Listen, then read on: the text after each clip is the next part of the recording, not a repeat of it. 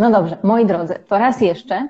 Z tej strony Aleksandra Zalewska, na profilu Aleksandra Zalewska, Indie, Polka mieszkająca w Indiach, pilot wycieczek po Azji, przewodnik w Indiach. E, i cóż, resztę znajdziecie na profilu. Dzisiaj porozmawiamy o buddyzmie dla odmiany, dlatego że Czwartki przeważnie live kojarzą się na pewno tym, którzy ze mną są już od jakiegoś czasu na Instagramie, na YouTubie, na Facebooku i paru innych miejscach, jednak z tematem Indii. Ale no właśnie, czy musimy tylko o Indiach, Indiach, czy możemy trochę więcej o religiach? Był już live o hinduizmie, więc dzisiaj jedziemy z buddyzmem. I pomyślałam, że no jak ja będę tak znowu narrować całą tą treść, to może Was to jakoś, nie wiem, przytłoczyć, znudzić, więc dywersyfikujemy i proszę, mój dzisiejszy gość, no uważam, że jedna z takich naprawdę specjalistek w swoim e, temacie, temacie zwłaszcza buddyzmu i Tybetu, mm, i Azji. No właśnie, powiedz proszę więcej o sobie. Bardzo Ci dziękuję za zaproszenie. E, nazywam się Iwona Bartoszcze i prowadzę e, firmę, która nazywa się Wyprawy do Azji i e, przygotowuję w niej wyjazdy do Tybetu, Butanu, generalnie w Himalaje. E, to jest jeden aspekt mojej działalności, ale także od, tak jak się zastanawiałam, ponad 20 lat zajmuję się Tybetem. Nie tylko podróżując, ale zajmując się kulturą Tybetu, buddyzmem, prawami człowieka przez prawie 10 lat współpracowałam z firmą, e, z organizacją, która zajmowała się prawami człowieka w Tybecie. W tej chwili jestem w takim drobnym przesunięciu, ponieważ skręcam bardziej ku medycynie tybetańskiej i myślę, że jak Tybet się otworzy, to e, te wyjazdy, które będę robić, będą się bardziej e, łączyły też z medycyną tybetańską, ale podobnie jak ty jestem też przewodnikiem po Azji i pilotem wycieczek. Mhm. No właśnie, ta, ta medycyna tybetańska, przyznam szczerze, że gdzieś śledzę to, co robisz, chociaż o niej piszesz nie za wiele, bardziej o, o samym Tybecie. Natomiast, e, kochani, mhm. jeżeli będziecie mieli w trakcie naszego live'a jakieś pytania, bo my oczywiście e, przygotowywałyśmy się z Iwoną do tego live'a i tak się zastanawiałyśmy, jak to zrobić, żeby się zmieścić w godzinie max półtorej, i żeby to było treściwe, ale tak, żeby mieć jakiś plan. Dlatego ja będę zerkać, zrobiłam sobie listę, ja będę na tą listę zerkać, żebyśmy dotknęły przynajmniej tych najważniejszych kwestii. Natomiast oczywiście śmiało pytajcie, jeżeli ewentualnie później by się pojawiły jakieś pytania, śmiało w komentarzach. Jeśli nie ja, to Iwona odpowiemy. A powiedz mi jeszcze, zanim zaczniemy, co tam wisi za tobą? E, za mną wisi nepalska rama okna ona się tutaj, może będzie to widać, otwiera. Widać, widać. Widać, tu moglibyśmy wyjrzeć. Małe to okno. Małe, tak, ale jak wiesz, jak targałam je jako bagaż podręczny z Nepalu, to nie było mi do śmiechu, bo jest bardzo ciężkie. Natomiast ono jest w symbole buddyjskie, więc mhm. bardzo e, konweniuje nam e, z tematem. Tu mamy osiem e, symboli przynoszących pomyślność, czyli no, czego nie widać na górze, to jest węzeł nieskończoności, parasol, sztandar zwycięstwa, koło darmy, o której dzisiaj będziemy mówić, lotos, waza, ryby oraz e, kącha i to wszystko symbolizuje, e, nazwijmy to taką, z punktu widzenia buddystów, wyższość nauki buddyjskiej. Okej, okay. no właśnie, jakby na wstępie jakby warto zaznaczyć, że buddyzm się siłą rzeczy, po pierwsze wywodzi się z Indii, co jest raczej oczywiste w tym momencie i wywodzi się, jakby nie patrzeć, z hinduizmu. Czy tu się zgadzamy?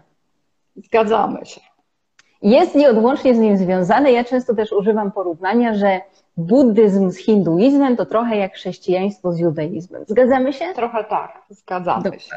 Dobrze. I teraz, jak zacząć tą opowieść o buddyzmie? Więc stwierdziłam, że najlepiej będzie opowiedzieć o tym współczesnym Buddzie, bo no, sama jak wiesz e, i, i na pewno do tego dojdziemy, Buddów jest ci co niemiara, ale my się skupiamy na Buddzie teraźniejszości, czyli... Tak, na, ten nas najbardziej interesuje. Dokładnie, czyli na Siddhartha Gautama, tak jest najczęściej nazywany. E, historia jest dość długa, więc ja się ją postaram bardzo skrócić i też zaznaczę, i na pewno Iwona doda z siebie parę komentarzy, że to nie jest tak, że moja wersja jest jedyna i ostateczna, e, bo tych wersji na temat tego, jak, gdzie, skąd, kiedy jest cała masa, wiadomo. A im więcej trwa badań, tym więcej jest kolejnych. No więc kwestia nawet daty. Powiedz sama, jaka jest dla Ciebie z punktu widzenia Twojego ta data, kiedy urodził się ten Siddhartha Gautama? Wiesz co, e, dla mnie jako e, buddystki tybetańskiej w ogóle e, paradoksalnie narodziny Buddy nie są najważniejsze. Okay. Ponieważ buddyzm do Tybetu przyszedł dopiero mm, w naszej erze, w VII wieku, jest bardzo mocno związany z tak zwanym drugim Buddą, czyli Guru Rinpoche. I dla wielu buddystów tybetańskich to właśnie Guru Rinpoche jest tym najważniejszym. Natomiast wydaje mi się, że tak naprawdę trudno jest określić tą taką dokładną datę urodzin, bo z tego co wiem, w tej chwili archeolodzy prowadząc badania w Lumbini znaleźli ślady tego, że buddyzm był już 300 lat wcześniej, więc, okay. więc generalnie możesz wybrać taką datę. Możemy sobie wybrać, jaka, jaka nam tak, pasuje. Tak, możemy sobie wybrać, jaka nam pasuje. No bo trzeba jakby, patrzymy na to z jednej perspektywy. Z perspektywy Theravady, czyli buddyzmu, który jest na przykład w Tajlandii czy Kambodży, mhm. bo to są takie dwa miejsca, gdzie myślę, że podróżnicy, turyści najczęściej docierają. No i teraz, jeżeli popatrzymy na nagłówki gdzieś gazet, no to jaką mamy datę? No nie mamy rok 2000, na przykład teraz 21, Aha. tylko mamy 2000, boże już teraz nie wiem, 660 już teraz chyba jest trzeci, e, dlatego że to się mhm. liczy od 543, o ile się tak, nie mylę, roku przed naszą tak. erą. Dokładnie. Natomiast czy to był czwarty, piąty, szósty wiek przed naszą erą, tego nie wie nikt, mhm. to się jeszcze okaże. Natomiast zanim się urodził Buddha, bo to jest ważne, dobry wieczór, dobry wieczór, to była cała legenda, dlatego że mm, matka jego, która zresztą miała być królową, miała sen E, białego słonia z lotosem widziała, to jest bardzo mocno też hinduski, w sensie hinduistyczny symbol. No i e, poszła do mędrców i zapytała, co to znaczy, co to znaczy. A oni na to, no dwie są wersje. Jedna jest taka, że urodzisz syna, który będzie królem i władcą władców, e, a druga, że będzie mędrcem i nauczycielem nauczycieli. No to z punktu widzenia królowej i króla, no to wiadomo, że chcieli, żeby były raczej władcą władców niż jakimś tam mędrcem. No więc zapytali, jak to zrobić, żeby ta wersja się spełniła? No więc musicie spełnić cztery warunki, żeby ten młody wasz syn, e, aż tak naprawdę do okresu osiągnięcia takiej dojrzałości, nie zobaczył cierpienia, nie zobaczył choroby, śmierci, biedy, starości, jakby tych rzeczy takich, które, no właśnie, które powodują, że jesteśmy ludźmi. E, no i tak, no i oni go wychowywali od tych narodzin w takim inkubatorze zamkniętego w czterech ścianach. W tej klatce. Aż, dokładnie, aż pewnego razu, e, co jest też pięknie pokazane, zresztą myślę, że jesteśmy obie fankami filmu Mały Buddha, mhm. bo to jest tam e, świetnie pokazane i inne wątki związane z buddyzmem tybetańskim. Wyjechał, wyjechał na polowanie, gdzieś się tam zapędził, no i właśnie zobaczył nagle starego człowieka, chorych ludzi, biedotę, głód i zwłoki. No i był w szoku. No i ci jego przyboczni musieli mu wytłumaczyć, co to jest. No i strasznie to nim wstrząsnęło. Ile miał wtedy lat? Znowu ciężko powiedzieć. Niektórzy twierdzą, że miał 19. Dlaczego to było problematyczne? Dlatego, że dopiero co wziął ślub ze swoją kuzynką, o ile dobrze pamiętam. No i wiecie, szczęśliwe małżeństwo, młodzi, piękni, bogaci, w ogóle czegoś chcieć więcej. E, no ale nie, gdzieś tam cały czas drążyło to dziurę w jego głowie i kiedy narodziło się jego dziecko, pierwsze e, to wziął, spakował manatki i uciekł. No nie wiem, może miał depresję poporodową czy coś, no ale zdecydował się uciec. I jak uciekł, to oczywiście spotykał też demony, ale już o nich nie wnikajmy i próbował różnych sposobów na to, jak wytłumaczyć sobie, że na tym świecie są takie krzywdy, straszne rzeczy i w ogóle jak znaleźć szczęście, czym jest szczęście, czym jest równowaga. Próbował medytacji, w końcu już próbował ascezy i jak już był takim chudym patykiem, że już w zasadzie już prawie umarł z tej um, astezy, to to doznał olśnienia, w sensie zatęsknił za domem i stwierdził, że chyba to jednak nie jest to.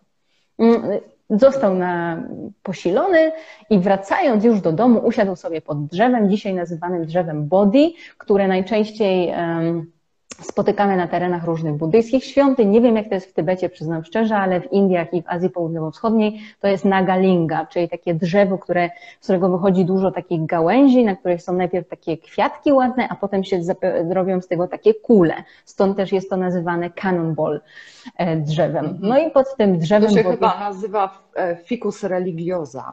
Mm. Tak ładnie, no. ładnie z łaciny. No to tutaj jakby na galingą to jest. No i sobie siedział pod tym drzewem i jak tak siedział i medytował, no właśnie, to doznał oświecenia, bo Buddha to nic innego jak oświecony, czyli ten, który doznał oświecenia i w tym czasie też przypomniały mu się jego poprzednie wszystkie życia, dlatego że uważa się, że Buddha wiele różnych żyć przeżył. I tutaj też myślę, że jesteśmy obie fankami tych historyjek Jataka, bo to są po prostu historyjki, które właśnie opowiadają o różnych tych wcieleniach poprzednich Buddy, zanim on właśnie dotarł do tego etapu, kiedy sobie uświadomił, aha, nie bogactwo, nie asceza, ale droga złotego środka.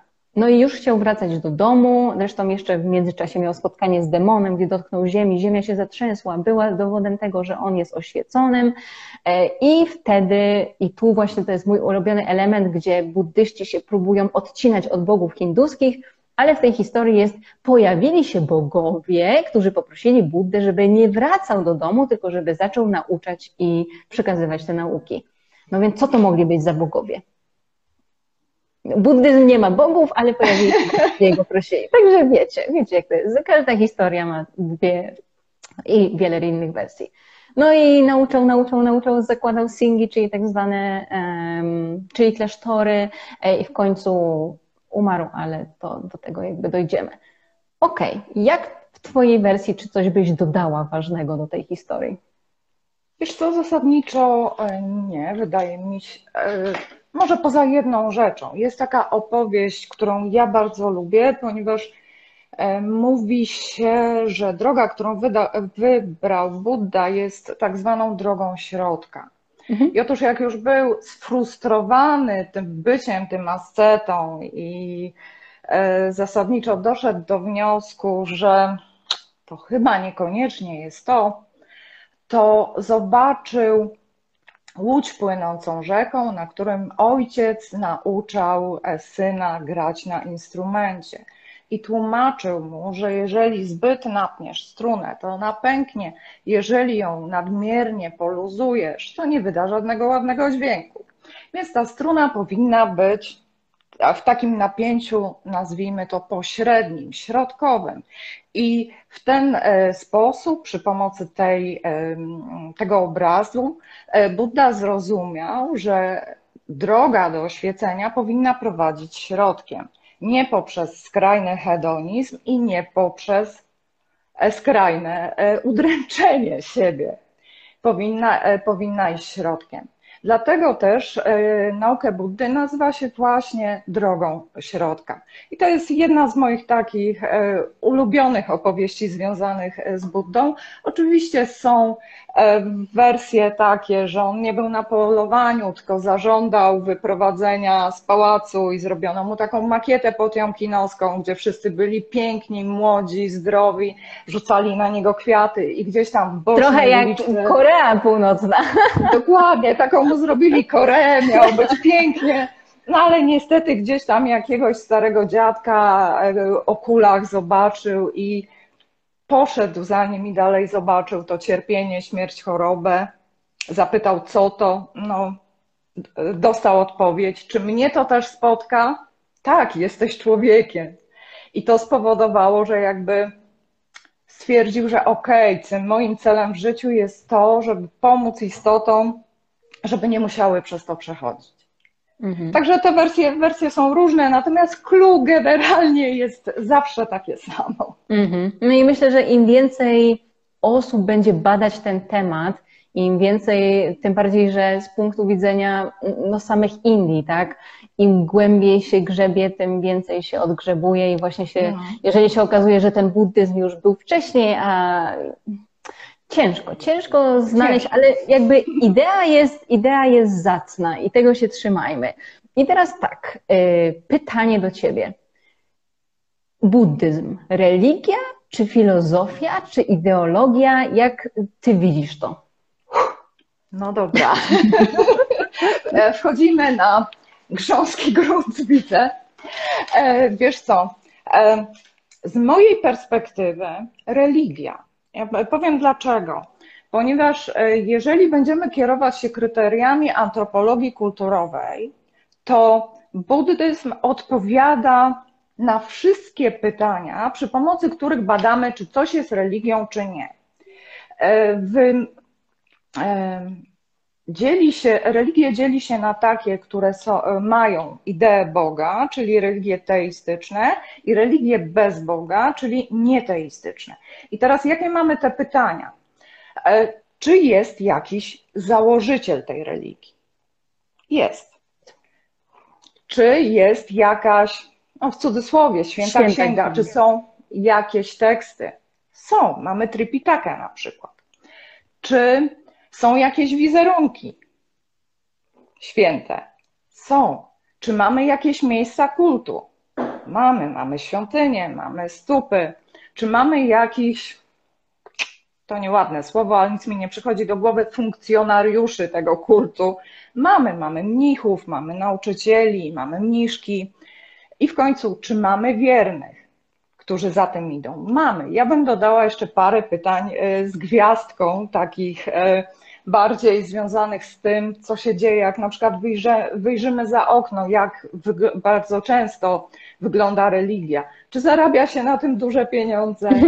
Tak. Czy jest to związane z władzą i nadużywaniem tej władzy bardzo często? Tak, z czego nie zdajemy sobie I Kochani, sprawy. zaznaczmy jedną rzecz. Mówi osoba, która jest związana z buddyzmem. To nie jest tak, tak. że ja zaprosiłam tutaj jakiegoś krytyka, który nienawidzi nie, nie, nie. buddyzmu i będzie teraz po prostu go mieszał z błotem, tylko jest to osoba związana z buddyzmem, więc to jest obiektywny krytycyzm.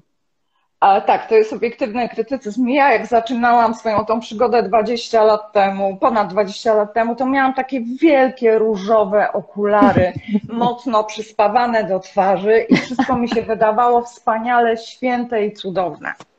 E, natomiast po latach podróżowania po Tybecie, e, po latach poznawania tego, jak, jak to funkcjonuje wszystko, zobaczyłam, że w wielu przypadkach, oczywiście nie w każdym, funkcjonuje to dokładnie tak samo, jak to, co mamy za oknem tutaj w Polsce.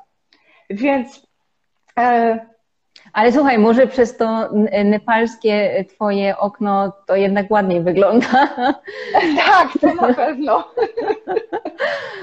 Lewitujący lamowie są zawsze fajniejsi. Zdecydowanie. I zawsze jest bardziej kolorowo jednak, wiesz, buddyzm kojarzy się z takim orientem, folklorem i w ogóle, ale myślę, że tak, do tego... Taką, też z taką świętością, wiesz, takim spokojem.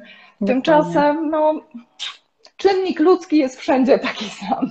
Czyli ustalamy ostatecznie, że jest to religia, mimo tego, że na dobrą sprawę, no właśnie, jednak gdzieś nie ma tego Boga jako takiego, chociaż niby Aha. jest, tak, jako idea i tak dalej, i dlatego wiele osób uważa, że to jest bardziej filozofia, sposób życia, no bo tyle różnych jakichś e, ścieżek, no ale to tak jak trochę z hinduizmem, tak? Tu też jakby wersji jest tyle różnych, że też hinduizm. No co to jest hinduizm? No, wersji jest milion pięćset, sto dziewięćset, tyle ile jest wyznawców, tyle jest tych.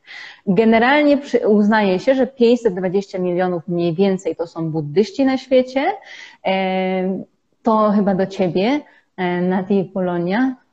Miło Cię widzieć tak, i usłyszeć. Tak, to jest I e, tak naprawdę, że jest to czwarta największa religia świata. Tak się mm, przyjmuje. I teraz e, z punktu widzenia e, buddyzmu mamy, i tu Ci oddaję głos, te cztery najważniejsze e, jakby prawdy z nią związane, prawda? Tak, to są te, jakby podstawą są cztery szlachetne, tak zwane cztery szlachetne prawdy, czyli prawda o istnieniu cierpienia, prawda o przyczynie cierpienia, prawda o końcu cierpienia i prawda o drodze prowadzącej do końca tego cierpienia. I mhm. teraz, ponieważ już słowo cierpienie padło cztery razy, to moglibyśmy sobie pomyśleć, że buddyści to matko droga, nic tylko depresja. Bo nic tylko siedzą i o tym cierpieniu, i o tym cierpieniu, i w ogóle ani, ani uśmiechu, ani zabawy, ani nic, ani radości z życia. Tymczasem to nie do końca tak funkcjonuje, ponieważ jeżeli e, popatrzymy sobie na przykład na buddystów w Tybecie czy buddystów w Nepalu, to są po prostu cieszący się życiem ludzie, będący e, tu i teraz. I wynika to z tego, że e, Buddha nie próbował nas zdołować, i już wgnieść ziemię i koniec depresja, tylko próbował nam pokazać, że w naszym życiu to cierpienie jest. Jest to cierpienie narodzin, śmierci, choroby, czasem coś nas boli, czasem coś nas szczyka. Jest przyczyna, którą jest pożądanie i jakby niezadowolenie z tego, co mamy. Oczekiwania. Oczekiwania są tak. najgorsze.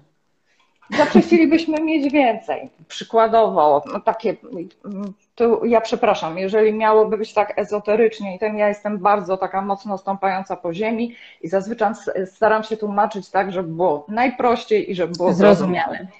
Więc na przykład, jeżeli ja nie mam męża, bardzo bym chciała mieć, to jestem nieszczęśliwa. Jeżeli na przykład sąsiad ma fajniejszy samochód niż ja, a to jest mój załóżmy priorytet, jestem nieszczęśliwa. Buddha też mówi nam, że są, e, jest sposób, jak to cierpienie zakończyć i podaje nam tą ośmioraką, tak zwaną ośmioraką ścieżkę, przy pomocy której możemy tego cierpienia z życia się pozbyć. I teraz, e, jeżeli popatrzymy sobie na to jeszcze w kontekście prawa karmy, czyli przyczyny i skutku, czyli jesteśmy w takiej sytuacji, bośmy sobie sami nagrabili nie inaczej. Czy jeżeli popatrzymy jeszcze przez pryzmat prawa o nietrwałości, czyli wszystko mija, nawet najdłuższa żmija, czyli ta nasza sytuacja też kiedyś minie. Jak dodamy do tego jeszcze e, pra, e, nauki o pustce, czyli że generalnie żyjemy w Matrixie i to wszystko jest pewną iluzją, jest nierzeczywiste, to zasadniczo jeżeli mogę to zmienić, to zmieniam. Jeżeli nie, no to nie mam się czym przejmować. I mogę sobie po prostu, będąc tutaj, y, tu i teraz, być dalej, e, być po prostu szczęśliwym człowiekiem. I stąd na przykład bierze się sławetna butańska szczęśliwość. Mm-hmm, Butan no właśnie. jest ponoć naj, szczęśliwszym, krajem, najszczęśliwszym krajem na świecie. No właśnie, powiedz coś więcej o Butanie, bo myślę, że to jest takie miejsce, o którym każdy gdzieś słyszał, gdzieś coś dzwoni, ale nie wiadomo w którym kościele, a ty tam byłaś. Rzeczywiście są tacy szczęśliwi? Są. Są. E, natomiast nie jest to taka szczęśliwość. E, a czy może tak. To hasło, że Butan najszczęśliwszym krajem na świecie, to jest chwyt marketingowy. Mhm. Ponieważ nie ma kraju, w którym 100% społeczeństwa, czy nawet 97% jest super szczęśliwe w każdej kwestii. Butan ma ogrom problemów, bo to jest mhm. bardzo, o, przepraszam, wypadła mi słuchawka, to jest bardzo biedny kraj. W związku z tym no, tych problemów ma sporo. Y, ale to jest kraj, który ma populację Wrocławia, więc jest bardzo rzadko, e, bardzo rzadko, to zaludnienie nie jest duże. Są dni, kiedy nie spotykasz żadnego człowieka, jak wyjedziesz z miasta. Po prostu jedziesz, nie mija cię żaden samochód. E, przyroda jest nieskażona. Oni mają tak zwany e, ten indeks węglowy na poziomie zerowym, więc tam jest świeże powietrze, piękna przyroda. 60% e, kraju musi być pokryte lasem, to jest minimum. E, praktycznie prawie cały kraj to są parki narodowe. Więc generalnie jesteś w pięknym otoczeniu, z harmonijną architekturą, bo musi być zachowana taka architektura w tradycyjnej formie. Mało ludzi. Jeżeli masz e, telefon w tej samej sieci co ja, to do ciebie nikt nie zadzwoni, bo nie ma tam zasięgu, mimo że operator twierdzi co innego. Po prostu jest to, wyjeżdżasz do Butanu i masz całkowity reset i całkowity relaks. Tak. Od tych e, mediów społecznościowych, od telefonów, od różnych spraw, po prostu życie zwalnia. Twoja głowa zwalnia, przestaje, mówi się często, że umysł jest jak małpa, który skacze z gałęzi na gałąź i łapie się rękami e, wszystkiego, co zdoła złapać. Tam tego małpowania, nazwijmy to tak, jest dużo mniej, jest większy spokój. I e, to są ludzie, którzy, e, mieszkańcy Butanu, to są ludzie, którzy nie tak dawno e, dostali internet, nie tak dawno dostali telewizor. Tam jest jeszcze tradycyjny styl życia. E, wielu z nich, e, z tych starszych ludzi, nigdy nie wyjeżdżało ze swojej, wios ze swojej wioski, czy jakby z regionu, czy już szerzej, z Butanu.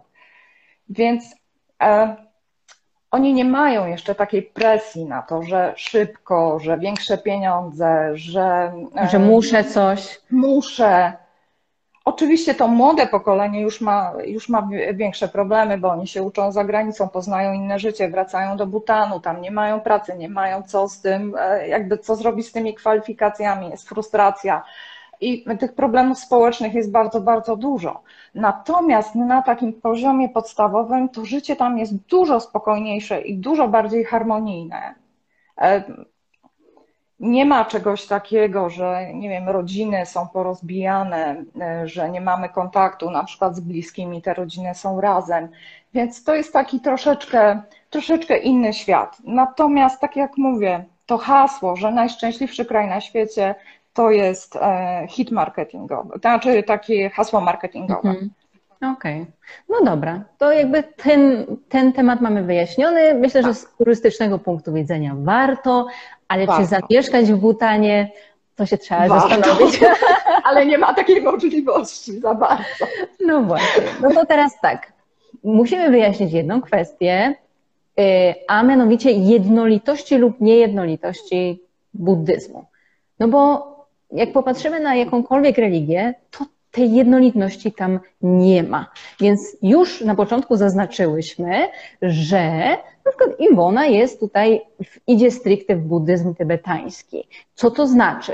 To ona za chwilę wyjaśni. Ale jakie mamy takie główne, najważniejsze podziały? To są podziały, które ja najczęściej stosuję, chociaż przyznam szczerze, że ile źródeł nie czytasz, tyle jest różnych wersji, ale ustalmy.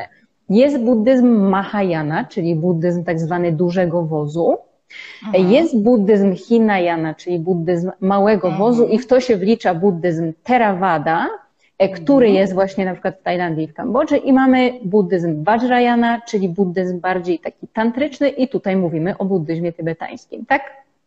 Tak, I, ale on jest też częścią wielkiego wozu, no czyli. Mahayany. I teraz tak, w Mahayanie tak z mojego doświadczenia z podróży do Chin, bo myślę, że Chiny no to jest taki Teoretycznie jest to kraj, w którym nie ma religii, ale jednak chyba jest to największy kraj, gdzie jest buddyzm Mahayana. Plus oprócz tego ja mam tutaj, słuchajcie, listę. E, mamy Mahajanę w mm, Nepalu, Malezji, Butanie, Chinach, Japonii, Korei, Wietnamie, Tajwanie. Przynajmniej w kwestii tego dominującego. I teraz w buddyzmie Mahayana mamy taką ideę, gdzie Mm, no przede wszystkim tych buddów jest więcej, bo jak wejdziemy sobie do świątyni, no to na przykład mamy te różne dziedzińce i na, na powiedzmy Hinayana jest dla Theravady nieco krzywdzącą nazwą. O, okej. Okay. E, okej, okay. no nie wiem, ja tak, tak mnie uczono, ale okej, okay. to w takim razie w takim razie możemy przyjąć, bo też spotkałam się z podziałami, że jest głównie Mahayana i jest y, Theravada jakby osobno, też ta Hinayana mhm. często nie jest wspominana. Myślę, że kwestia, no właśnie, interpretacji znowu tego, kto jakby się tym tematem zajmuje, kto to bada. W każdym razie w tej Mahayanie gdzieś tam jakby idea jest taka, że my pomagając innym się rozwijać i ewoluować na wyższy poziom, jakby sami doznajemy tej świętości. E, w Hinayanie, tudzież w Terawadzie, myślę, i Terawada to jest buddyzm taki, i tutaj mam nadzieję, że nie urażę niczyich uczuć, ale najbardziej konserwatywny, dlatego że to jest buddyzm, który mm, sobie wyemigrował.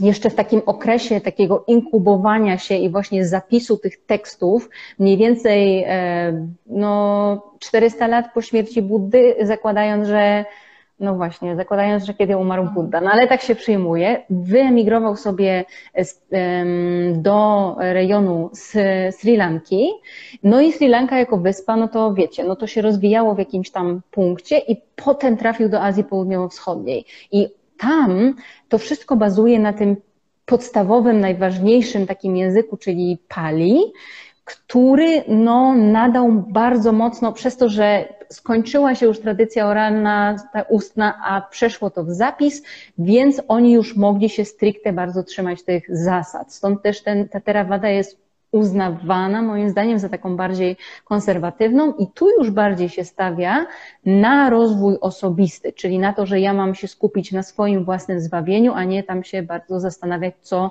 ktoś sobie robi, niech każdy będzie odpowiedzialny za siebie. No i mamy Vajrayana, i buddyzm tybetański, no i znowu, wydawałoby się, no Tybet to przecież nie jest wielki kraj, buddyzm tybetański, jest Dalaj Lama, wszystko jasne, no i właśnie, i tutaj oddaję e, głos mojej e, gościnie, gdyż się nagle okazuje, no, że nie, że nawet buddyzm tybetański, czy 20 lat wystarczy, żeby go ogarnąć? Nie. Mm, no I mówiąc szczerze, nie mam takich aspiracji. Powiedz Nie mam tak takich... ogólnie chociaż o tym, jak wygląda ten buddyzm tybetański, bo myślę, że na pewno tą terawadę ktoś, kto gdzieś oglądał jakieś programy właśnie o, czy był w Tajlandii, w Kambodży, e, no to widział. E, mamy tych mnichów, e, najczęściej, tak, nam się kojarzy z tymi mnichami ubranymi w te pomarańczowe, takie szafranowe szaty, e, którzy o poranku chodzą z misami na boso, zbierają ofiary i jakby no są świątynie oczywiście buddyjskie, gdzie mamy przeważnie właśnie tą podobiznę e, Buddy, do której, no właśnie, czy modlimy się do Buddy, czy bardziej modlimy się przez Buddę, to jest już inna kwestia, e, ale gdzieś tam te, te świątynie takie piękne, tajskie, bo myślę, że one robią największe wrażenie, no. każdy gdzieś kojarzy, z drugiej strony Mahayana też się kojarzy, no bo Chiny, no to nawet jak się nie było, to w telewizji gdzieś tam Chiny się pojawiają, więc te często właśnie jakieś takie stokowe zdjęcia tych Buddów, no to są. Zwłaszcza tego grubasa. Zwłaszcza tego grubasa, do niego dojdziemy. No a jak to jest z tym tybetańskim? No bo wszyscy kojarzą Dalaj Lamę, ale co dalej? Tak, wszyscy kojarzą Dalaj Lamę, e, ponieważ po pierwsze jestem wielkim nauczycielem, po drugie jest królem Tybetu. Jakby władcą Tybetu, tak najprościej. E, na uchodźstwie, no ale... Właśnie, chciałam powiedzieć, jednak. że nie rezyduje tam. Tak, ale nie rezyduje w Potali już od kilkudziesięciu lat, ale jednak nadal w głowach Tybetańczyków, którzy mieszkają w Tybecie, jest ich królem i to nie e, pozostawia żadnego pola do dyskusji. Natomiast e, bardzo. Okej, okay, zaraz może do tego wrócę, zacznę od czegoś innego. E, nawet w obrębie samego buddyzmu tybetańskiego jest bardzo duży podział. Jest podział na szkoły, na linię przekazu. Te szkoły bardzo często się różnią. E, oczywiście baza jest zawsze ta sama, to są nauki e, Buddy oraz e, nauki Guru Rinpoche, czyli Guru Padmasambhawy. Na tej bazie różni nauczyciele dodawali swoje trzy grosze, wielcy, wielcy mistrzowie. Jest to bardzo skomplikowany, bardzo obszerny system filozoficzny, ale mm, tak naprawdę chyba jest bardzo niewiele osób, które ogarniają całość. I teraz mamy podstawowe, szko e, podstawowe szkoły. Tu tak spróbuję wymanewrować na przykład między tym, co mówi taki wielki klasztor, co się mówi w wielkim klasztorze Larungara, mówi, a też co mówi Dalai Lama. Więc mamy tych podstawowych szkół e, kilka, najstarsza Nyingma, potem Shakya, potem Kagyu, potem Jonang e, i najmłodsza Gelug. Dalaj Lama dodaje do tego jeszcze Bon, powiedzmy larungar, e, jakby larungarskie podziały się z tym tak niekoniecznie zgadzają, że Bon to nie buddyzm, ale generalnie jeżeli popatrzylibyśmy na innych wielkich uczonych e, tybetańskich, to oni by pokazali inne podziały. Jeszcze bardziej skomplikowane. Mhm. Ale generalnie przyjmijmy, że to tak wygląda. I teraz każda z tych szkół ma swoją głowę, E, jakiegoś swojego przywódcę. Ning ma, ma tego przywódcę od niedawna, ponieważ jakby wybierają go na prośbę Dalaj Lamy, ponieważ ta, e, Ningma jest tak naprawdę zlepkiem linii, ta najstarsza tradycja, zlepkiem linii, gdzie linii przekazu, gdzie jeden nauczyciel drugiemu od guru Rinpoche e, przekazuje, właściwie nauczyciel swojemu uczniowi, który potem staje się nauczycielem i przekazuje kolejnemu uczniowi i tak dalej. E, nauki, począwszy od guru Rinpoche do dzisiaj. E, natomiast na przykład szkoła Siakia, e, na czele szkoły Siakia stoi Siakia Tridzin, na czele szkoły Kagyu stoi Karmapa, na czele Gelugpy stoi, powiedziałoby się, Dalaj Lama. Ale nie. Dalaj Lama nie jest głową swojej szkoły, jest E, jest nim Ganden Tripa, już ty, e, czyli dzierżyciel tron, zasiadający na tronie klasztoru Ganden. E, już jest ich sześćdziesięciu kilka, bo to, kilku, bo to jest stanowisko obieralne. Natomiast Dalaj Lama jest królem Tybetu. I teraz, jeżeli załóżmy w szkole Kagium mamy jakieś problemy i potrzebujemy podjąć decyzję, to tą decyzję podejmuje Karmapa. On może się skonsultować z Dalaj Lamą, ale nie musi E, te szkoły są e, niezależne od siebie. Oczywiście wszystkie podlegają Dalaj Lamie jako królowi, ale pod względem religijnym są niezależne. I teraz w każdej jest troszeczkę inna doktryna, każda się na czym innym skupia. Jedna będzie bardziej na filozofii, inna bardziej na praktyce jogicznej, czyli jogini w jaskiniach medytujące na przykład. Więc e, to jest taki bardzo, bardzo skomplikowany mhm. temat i e, musiałem. No to dobra, to ja podejdę do tego no. inaczej. Gdzieś w pewnym momencie, ja pamiętam, taki dyskurs się pojawił z punktu widzenia Kościoła katolickiego, no bo Kościół katolicki generalnie uważa, że nawet nie kwestia próbowania innych religii, bo tego w ogóle nie można robić, to, to, to, to w ogóle tego nie robisz, ale z takiego próby zrozumienia innych religii, gdzieś w kontekście buddyzmu się pojawiło to, że to w ogóle jest demony, diabły, że oni tam po prostu jakieś duchy wywołują, z szatanem rozmawiają i jakieś takie rzeczy. No właśnie, mm, było na, na podstawie buddyzmu tybetańskiego. Którego? I co oni sobie. E, każdego z nich. Każdego okay. z nich. E, dlaczego? Ponieważ e, jak wchodzisz do świątyni w Birmie, na przykład, gdzie też jest Theravada, to masz wizerunki Buddy w pozycji stojącej, leżącej, siedzącej i to jest finito. Natomiast jak wchodzisz do świątyni w Tybecie, to tu się zaczynają dziać cuda, ponieważ nie tylko masz wizerunek Buddy, ale tak, możesz mieć wizerunek Guru Rinpoche w formie łagodnej, półgniewnej albo gniewnej z. Możesz mieć formy buddów w zjednoczeniu, czyli pan z panią podczas stosunku seksualnego. Możesz mieć formy buddów, które mają załóżmy trzy głowy, setki rąk, e, są w formie gniewnej. To wszystko w naszej tutaj katolickiej E, katolickich wyobrażeniach kojarzy się z piekłem. To są formy takie demoniczne, piekielne. Natomiast w buddyzmie tybetańskim tak nie jest.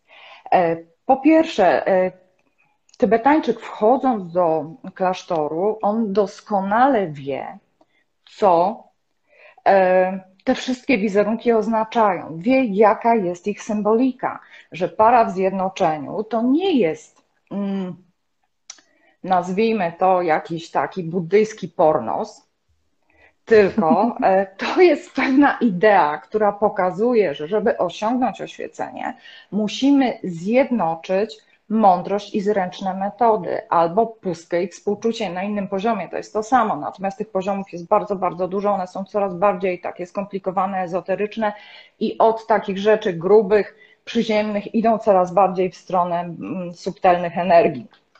Więc nie, nie będziemy w to wchodzić. Buddy, nauki buddyzmu, praktyki buddyzmu są e, naukami tajemnymi, więc generalnie nie powinno się ich ujawniać osobom, które E, jakby nie dostały na, na to pozwolenia, żeby tych nauk słuchać. E, więc jakby pominiemy to. Więc po pierwsze, buddysta wie o co chodzi. Wie, że trzy głowy to oznaczają, że ten Budda spogląda w e, trzech, trzech czas, w trzy czasy, a nie, że jest demonem. Patrzy się na to też w ten sposób, że ludzie są różni. Są ludzie, którzy są bardziej, mają taką konstrukcję bardziej spokojną, inni mają więcej problemów z agresją, z gniewem. I oni, y, i tak jak idziemy do lekarza, lekarz nie daje ci tabletki, jednej tabletki na, na to, czy masz, nie wiem, schizofrenię czy katar. E, tak samo mm, lama, do którego przychodzisz, nie daje ci jednego, nie daje wszystkim jednego rozwiązania. Jeżeli masz e, bardziej taką spokojną konstytucję, to potrzebujesz e, medytować na spokojne bóstwo. Jeżeli e, masz bardziej gniewną, bardziej taką agresywną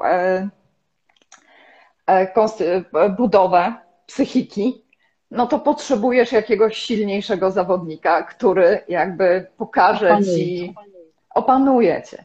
Więc te wszystkie formy przedstawiają pewne energie, pewne e, formy mądrości, pewne narzędzia, które pozwalają nam pracować ze sobą. Ponieważ jakby podstawowa różnica pomiędzy buddyzmem Theravady a buddyzmem tybetańskim polega na tym, że ten pierwszy jest religią wyrzeczenia, czyli no mam złe emocje i staram się, staram się nie, nie wpadać w gniew, nie wpadać w zazdrość, Generalnie staram się to jakoś opanowywać, natomiast buddyzm tybetański jest buddyzmem tantrycznym. I tu wcale nie chodzi, to jest bardzo częste e, wyobrażenie, że tu chodzi o seks. Ten seks oczywiście jest, ale umówmy się, praktyki związane z energią seksualną otrzymuje procent promila takich najbardziej urzeczywistnionych praktykujących, ponieważ już na tym etapie, dochodząc do tych praktyk, nie można mieć żadnego przywiązania, pożądania, ani żadnych e, emocji, które trzymają cię przy takim światowym życiu. Natomiast słowo tantryczny oznacza przemienienie, czyli ja ten swój, załóżmy, gniew, prze, e, przemieniam poprzez praktykę w pewien z rodzajów mądrości. I do tego są potrzebne różne narzędzia, i te narzędzia są właśnie w formie bardziej lub mniej groźnej, E, przedstawiane właśnie na e, ścianach klasztorów. I stąd jest bardzo częste właśnie takie wyobrażenie, że to są jakieś demoniczne, jakieś piekielne, straszliwe no cóż, w hinduizmie, w hinduizmie nie jest lepiej, wiesz, wiesz sama, no. jakie tam są przedstawienia.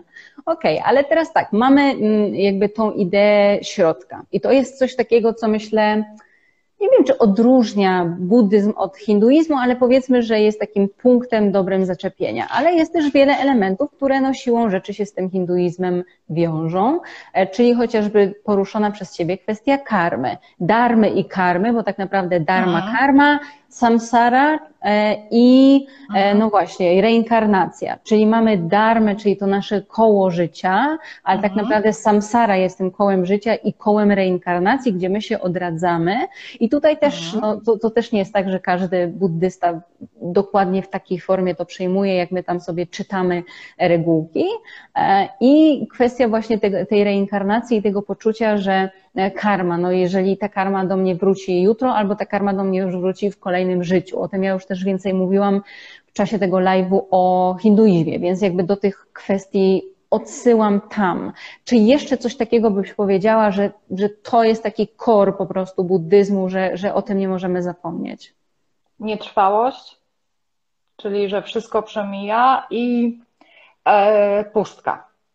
Czyli to, że tak naprawdę wszystko, co nam się przydarza w życiu, jest iluzją. Mhm. No, żyjemy w Matrixie. No, to... Tak, żyjemy w Matrixie po prostu. Po prostu. Przecież to jest takie oczywiste. Dokładnie. No dobra, to teraz tak. Y, mm, bardziej w kwestii obyczajów, tradycji i rytuałów. Mhm. Myślę, że tutaj znowu różnic oczywiście, słuchajcie, my nie mamy na to czasu, żebyśmy na pewno chciały wejść we wszystkie te mm, niuanse, ale takie najważniejsze na przykład kwestie z punktu widzenia Terawady, bo wspomniałaś o tym takim trochę jakby tłamszeniu emocji, czyli o takim no, poczuciu, że ja się muszę wyciszyć. No więc właśnie z punktu widzenia Terawady, tak naprawdę jeśli popatrzymy, no to takim stricte praktykującym najbardziej jest właśnie ten mnich. Dlatego też w tych krajach wiele osób życzy sobie, żeby syn, syn, zobaczmy, syn, ojciec, brat, whatever, został przynajmniej na jakiś czas mnichem. Stąd też jest to dobrze postrzegane, żeby przynajmniej na dwa tygodnie e, albo na dłużej pójść do klasztoru. Najczęściej się to zdarza w okresie tak zwanym deszczowym, kiedy już prace się na pole skończyły, mm, po co żywić tyle osób, jak można wysłać tego syna tam do klasztoru, niech go tam żywią, nie? No, no więc on tam idzie na nauki i oczywiście teraz, żeby był przyjęty, goli głowę, goli brwi, to jest symbol zerwania z przywiązaniem do tych ziemskich wszystkich takich e, pożądań. E, też jest tak, że często robi to po to, żeby na przykład um, odkupić jakieś grzechy swoich przodków, czyli najczęściej swoich rodziców. Często idą tam osoby, które mają problemy z uzależnieniami, czyli no, taka terapia, po prostu rehab, udają się do, mm, do klasztoru. E, I teraz będąc w tym klasztorze, każdy ma jakieś inne funkcje, dostaje nowe imię i znowu, tak jak wspomniałam na początku, o poranku chodzą z tymi misami i zbierają ofiary. I teraz, no właśnie, jak jest w mieście typu Bangkok, no to ma super, bo tam dostanie do tej miski i ryżu, i pewnie jakieś i to, i tamto, siamto, i ma do wyboru. No ale jak jest na wsi i często ludzie sami nie bardzo mają co zjeść, no to dostaje po prostu ryż. E, jeszcze się też daje sól ewentualnie, żeby była równowaga. E, I E, Ciemniejsi tak naprawdę oficjalnie jedzą do godziny 12 i teraz całe to ich życie jest mm, uregulowane przez system zwany Patimoka. Tak? Dobrze to nazywam? Patimoka.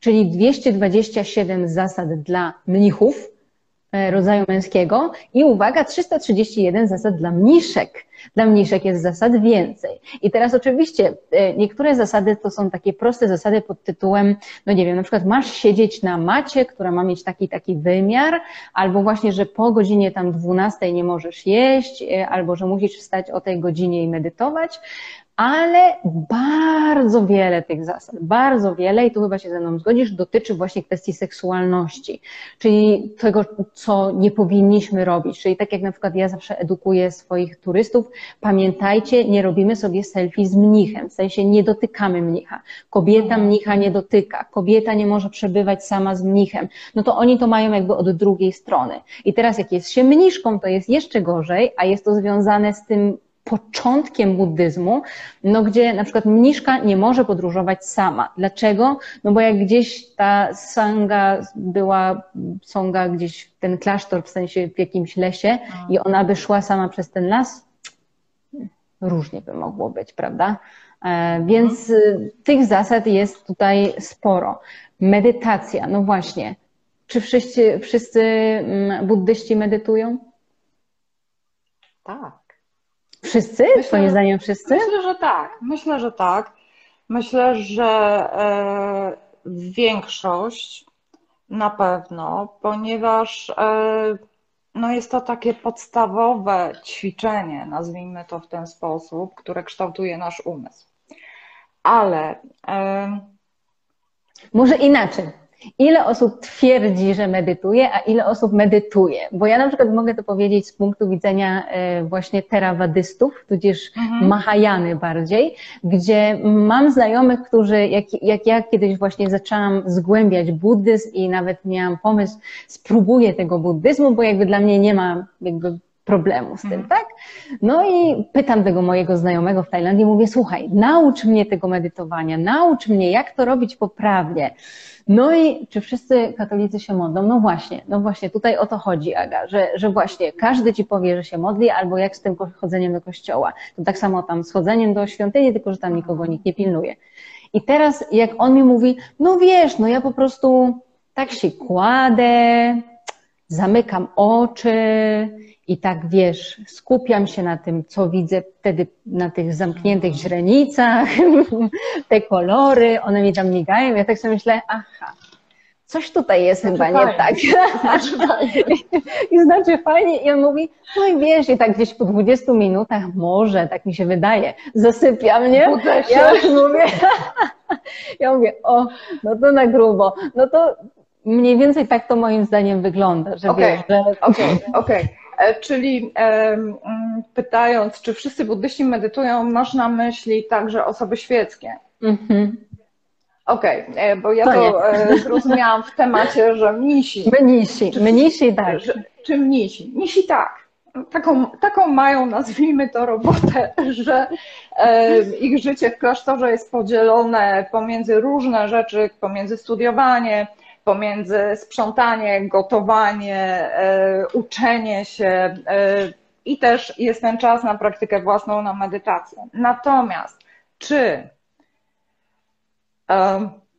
przeciętny Kowalski medytuje w Tybecie?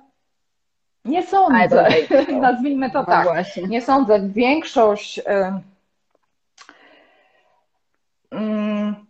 praktyki ogranicza się do tak zwanego zdobywania zasługi, czyli do tego, że daje pieniądze na klasztor, daje jedzenie. E, w buddyzmie tybetańskim nie ma tej idei, że mnisi chodzą z mniszkami, e, z miskami, przepraszam, mniszki też. Natomiast e, jest nikt nie, nie zabroni ci pojechać z workiem ryżu do klasztoru, tak? czy ze skrzynką masła, czy ze skrzynką campy, e, czyli mąki jęczmiennej. E, więc generalnie, generalnie wiąże się to, to z tym, to się w tej chwili zmienia. Bardzo dużo, e, coraz więcej osób świeckich rozpoczyna jakąś praktykę, taką bardziej formalną, a wiąże się to z tym, że ludzie są coraz bardziej piśmienni ponieważ kiedyś e, jedynie klasztor dawał edukację, więc jak byłeś mnichem, byłeś wykształcony, potrafiłeś, e, czy mniszką, potrafiłeś czytać, pisać, lepiej lub gorzej, bo to różnie bywało. E, I mogłeś sobie rozłożyć te teksty przed nosem i po prostu praktykować to, co było na nich napisane. Natomiast jeżeli nie umiałeś czytać, no to nie bardzo miałeś taką możliwość. Też e, umówmy się, te teksty e, tybetańskie są czasami bardzo skomplikowane, ponieważ e, rozróżniają na przykład, w tej chwili nie pamiętam, kilka rodzajów pustki na przykład. Na sam umysł jest kilka słów, które dla Tybetańczyka jest to dokładnie wiadomo, o jakim aspekcie umysłu to słowo mówi, natomiast dla nas umysł jest umysł. E, więc, więc nie, na pewno e, większość Tybetańczyków ogranicza się do powtarzania mantr, bo to można zawsze zobaczyć e, ludzi okrążających stupy Om Mani Padme Hum z różańcem, czy tak zwaną malą w ręku. Natomiast czy medytują na co dzień? Nie, zapewne nie. No właśnie, czy chodzą do świątyni na co dzień? No nie, też nie. I jakby nie, powiedz nie. mi, czy z Idą jak widzenia, mają potrzebę. No właśnie, czy z punktu widzenia buddyzmu w ogóle tybetańskiego jest jakaś taka idea, że trzeba chodzić do świątyni? Idzie się po błogosławieństwo, idzie się jak um, coś się dzieje. Przyjeżdża jakiś wielki lama, naucza, idzie się wtedy. Niekoniecznie się rozumie, co on mówi, ale sama jego obecność sprawia, że otrzymujemy błogosławieństwo. Idzie się, jak jest festiwal klasztorny. i też z jednej strony nie zawsze się rozumie dokładnie o co tam chodzi, ponieważ e, te wszystkie tańce lamów mają znaczenie e, symboliczne, to jest e, pewna praca z energią otoczenia. Natomiast, przepraszam, zniknę na moment, znowu mi słuchawka wypadła. Natomiast, Dlatego lepiej mieć na kablu. No tak, ale ja niestety dopadłam tylko takie ale za to jest to świetna okazja na przykład do spotkania z ziomkami. Więc e, generalnie nie ma czegoś takiego, że co niedzielę idziemy się pomodlić e, na mszę. Mhm. To mają te główne religie, myślę, że no właśnie, judaizm tego wymagał, chrześcijaństwo to poniekąd przejęło, mhm. no bo nie, nie oszukujmy się, że to jest ustalone przez synody, a nie przez kogokolwiek innego. No i w islamie znowu, chociaż tak naprawdę, gdyby zapytać teraz, e, chociaż Żyda jakby zapytać, no ale to by właśnie, którego, ale jakby zapytać chrześcijanina, tudzież muzułmanina, czy chodzisz regularnie do świątyni, no to znowu pewnie będzie hmm, takie cisza. I teraz znowu kolejny mit, czy każdy buddysta jest wegetarianinem? A w Tybecie? Ciężko by było, nie? Ciężko by było przeżyć, e, umówmy się. E, na pięciu tysiącach metrów e, z trudem rośnie jęczmień. Masz tylko jaki. Coś trzeba jeść, potrzebujesz energii. Więc oczywiście to nie jest tak e, jak u nas w tej chwili, że mięso się je trzy razy dziennie. To mięso je się rzadko, bo zwierząt zabija się mało, one są za cenne po prostu. Tak jak kiedyś było u nas na wsiach, że mięso, mięso było od wielkiego dzwonu. Natomiast jak sobie popatrzymy w e, naukę Buddy, to tak naprawdę w tych pierwszych tekstach palijskich nie ma nigdzie mowy o tym, że nie wolno jeść mięsa. E, ta idea pojawia się dopiero w pierwszym wieku naszej ery, kiedy e, rozwija się Mahayana e, i pojawia się ta idea mm, niekrzywdzenia. niekrzywdzenia. Znaczy, jakby niezabijanie jest zawsze na wejściu, ale jedzenie mięsa nie jest równoznaczne z zabijaniem. E, powstała taka idea tak zwanego czystego mięsa, Czyli tak, e, mm, to jest takie mięso, że nie, zwierzę nie zostało zabite dla ciebie, nie uczestniczyłeś, e, jakby nie zabiłaś go sam, e, tego zwierzęcia sama i nie byłeś świadkiem jego agonii. I wtedy, czyli generalnie powiedzmy w takiej naszej współczesnej sytuacji idziesz do sklepu, kupujesz kotleta schabowego i to jest ok. Natomiast jeżeli jedziesz do babci i babcia zabija dla ciebie kurczaka na rosołek, to to już jest e, nie okej. Okay. Okej, okay, ale czy, teraz tak, czy możemy się odwołać do jednej z moich ulubionych jatak? Musimy coś powiedzieć o jatakach. Kto chce y, o jatakach więcej dowiedzieć, proszę sobie wpisać w YouTube'a, tam są zrobione bajeczki, można się wszystkich jatak sobie posłuchać. No więc jedna z tych jatak, e, którą ja zresztą myślę, że już przywoływałam, e, tak, w moim mm, live o hinduizmie to była ta, gdzie Buddha był ptaszkiem i mieszkał w dżungli, gdzie mieszkał lew i ten lew zabijał zwierzęta dla zabawy i któregoś dnia jak zabił jakąś antylopę i ją zjadał, to ta, tej żebro mu otknęło w gardle i ten ptaszek mu powiedział, ja ci to wyciągnę i przeżyjesz, ale obiecaj, że nie będziesz już zabijał dla mhm. zabawy, tylko po to, żeby przeżyć. E, no właśnie. I jakby tutaj myślę, że to gdzieś zostało wplecione dalej. Mhm. To nie są czataki, tylko jataki. Jataka. Jataki to są takie historyjki, bajeczki o um, poprzednich wcieleniach Buddy. Poprzednich wcieleniach Buddy i tam generalnie one są momentami dość zabawne, na przykład, że Budda był zajączkiem albo że Budda był wołem. Także. Um, Można je na przykład zobaczyć, one są ładnie rozrysowane, bo tak bym to ujęła. Mhm. E, w Indonezji na Jawie e, świątynia Borobudur, taka ta okrągła z tymi stupami mhm. na górze i tam mamy wszędzie właśnie te obrazeczki. I myślę, że to było miejsce, gdzie ktoś pierwszy raz mi zaczął na tych obrazkach tłumaczyć rzeczywiście te, te jataki, ale nie zmienia to faktu, że nawet buddyści moi znajomi też ich wszystkich nie znają. To nie jest tak, że o, jataka to babcia mi opowiadała za dziecka, tak jak wiecie, nie wiem, baśnie braci Grimm i po prostu wszyscy znają jataka. Nie, to tak nie wygląda. E, wiesz co, ja mam wrażenie, że w Tybecie niewiele osób e, zna jataki. Oczywiście wiedzą, co to jest, tak, natomiast buddyzm tybetański obrósł tyloma fantastycznymi historiami o tym, co robił Guru Rinpoche, co robił Milarepa, E, co. E, tak, one są dostępne w internecie, można je albo poczytać, albo tak jak powiedziałyśmy, na YouTubie. Wystarczy sobie wpisać tak, Jataka przez J Dokładnie. najlepiej, Jataka i też nawet sam Dalai Lama czytał te Jataki, więc można w wersji audiobooka, albo mhm. można ewentualnie w wersji właśnie takich bajek sobie obejrzeć, jak ktoś woli. Tak, są, e, są bardzo piękne. Także Tybetańczycy mają bardzo dużo takich historii związanych z przyjściem e, buddyzmu do e, Tybetu, więc generalnie e, te dziataki może nie są aż tak bardzo, aż tak bardzo popularne. W Butanie na przykład bardzo popularne są opowieści o przygodach Drukpy Kunleja. Nie wiem, czy o nim słyszałaś, to jest tak zwany... Nie znam człowieka. Święty, nie znasz człowieka, to jest tak zwany święty szaleniec. I te opowieści o nim, które są de facto religijne, one mają duży taki e, ładunek mm, sprośności. To chyba będzie na takie najbardziej delikatne słowo.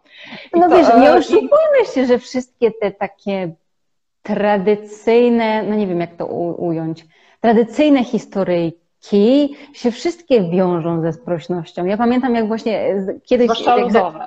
Dokładnie, ludowe przecież, no już nie mówiąc o tym, jak pamiętam wykłady z Rusinkiem na, e, na studiach, mimo tego, że ja byłam na arabistyce, ale mieliśmy to wielkie szczęście, bo ja uwielbiam człowieka. I Rusinek nam właśnie rozkładał na części pierwsze czerwonego kapturka, gdzie po prostu Aha. pierwszy raz się dowiedziałam, że to w ogóle nie jest bajka dla dzieci, ale tak samo um, pozdrawiam, jeżeli kiedyś to usłyszy pan Skorek, który prowadził zajęcia pantomimy u, e, w studiu Doroty Pomykały, który też e, te wszystkie ludowe pieśni typu tam, nie wiem, zrywała jagódki i jakieś mhm. tam też jak zaczynasz to interpretować, to się okazuje, że nie, no nie. E, wiesz co, to jest troszeczkę inna kategoria, ponieważ to jest literatura religijna i tam nie ma pola do interpretacji, ona jest okay. bardzo dosłowna, nazwijmy to w ten sposób. Po co się bawić w jakieś, wiesz, kombinanse i owijać no. wełnę w bawełnę? Tak, pan Skorek. E, Agnieszka zna też. pan Skorek e, miał wiele różnych historii. No dobra. E, I teraz myślę, że bardzo taka ciekawa rzecz. Ja bym chciała to poruszyć, bo już minęła nam godzina, ale żeśmy o tym powiedziały koniecznie. Kwestia na przykład pogrzebów. Dlatego, że myślę, że wiele osób kojarzy, a pogrzeby buddyjskie to pewnie tak jak hinduizm i tak jest w większości, że zwłoki się pali. Też nie wszystkie, bo w wielu krajach są jakby pogrzeby i są po prostu e, cmentarze, zresztą są tak zwane e, cmentarze chińskie, bo to najczęściej są właśnie mm, związane z Mahajaną cmentarze, mają takie charakterystyczne nagrobki. Raz mi znajomy w Indonezji powiedział żart, jak mijaliśmy taki cmentarz, mówi, to jest hotel Mandarin. Once check in, never check out. E, więc, więc, więc jakby tych opcji jest wiele, ale one są takie mhm. nudne. Ale jak porównać to, chociaż, no nie wiem, na przykład Wietnamczycy, mi się podoba to, że chowamy babcię na polu ryżowym, żeby nam babcia tego pola ryżowego pilnowała.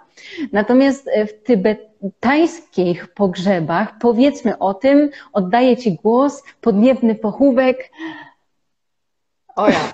E, wiesz co, e, hmm. jak popatrzymy sobie na to, jak wygląda przyroda w Tybecie, czyli że tam powiedzmy na tej wysokości 4000 metrów nie mamy ani jednego drzewa. Oczywiście są miejsca, gdzie są lasy. Natomiast na większości terenu tych lasów nie ma. plus jest skała, plus jest e, tyle gleby, to ciężko by było. Co nam zostaje? Nie wykopiemy żadnego dołu, żeby zwłoki złożyć do dołu. Nie spalimy, bo drewno jest bardzo drogie, trzeba je skądś tam sprowadzić. Oczywiście na tych terenach, gdzie to drewno jest, pochówki kremacyjne są częstsze. Natomiast głównie zarezerwowane one są dla ważnych członków społeczności, czyli dla lamów. Natomiast coś trzeba z tymi zwłokami zrobić. I e, zwłoki dzieci rzuca się do rzeki, kroi się, rzuca się do rzeki, karmi się nimi ryby i Tybetańczycy poza jedną społecznością, która nie ma absolutnie nic innego do jedzenia, mieszka w takich okolicznościach przyrody, że tylko rzeka. E, Ale popatrz, kroi się, bo w hinduizmie dzieci są całe mhm. wrzucane. Nie, to się zazwyczaj kroi. E, I zjadają, i Tybetańczycy nie jedzą ryb właśnie z tego powodu. E, natomiast zwłoki oddaje się sępom. No bo to jest takie, mm, no chyba najprostsze rozwiązanie w takiej, w takiej, e, w takiej sytuacji.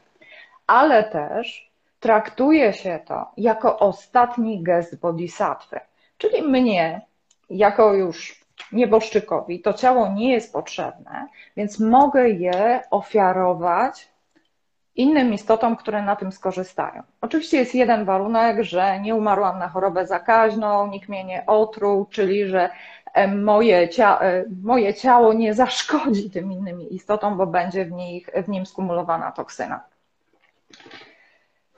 I jak to wygląda? W różnych regionach różnie. Ja kiedyś miałam okazję e, uczestniczyć w takim pogrzebie. Generalnie jest to. Mm, trzeba się solidnie ostarać, żeby ci pozwolili we, e, przyjść na taki pogrzeb.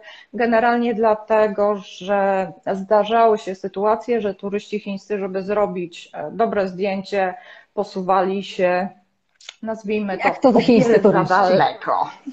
Tak, jak to chińscy turyści. E, o wiele za daleko. Natomiast to, co, w czym ja uczestniczyłam, wyglądało w ten sposób, że w pewne określone miejsce rano zajechał traktor. Na tym traktorze był karton po telewizorze i w tym kartonie po telewizorze przywieźli owinięty w białe całą zwłoki.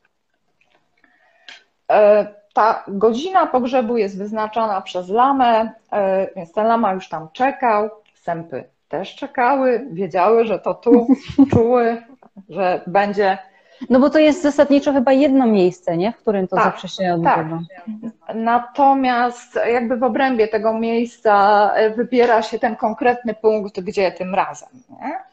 E, odbędzie się pochówek. Tam jest wbi e, wbija się patyk, do tego patyka pod ramionami przywiązuje się czerwoną, taką, czerwonym takim sznurkiem te zwłoki, głównie po to, żeby te sępy po prostu go gdzieś nie uniosły i lama e, nacina skórę tej zmarłej osoby. Dlaczego? Ponieważ sęp ma tak skonstruowany dziób, że on skóry nie jest w stanie przerwać.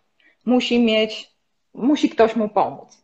Czy jakieś zwierzę, które wcześniej to nadgryzie, czy w tym przypadku akurat pogrzebu lama, który nacina zwłoki.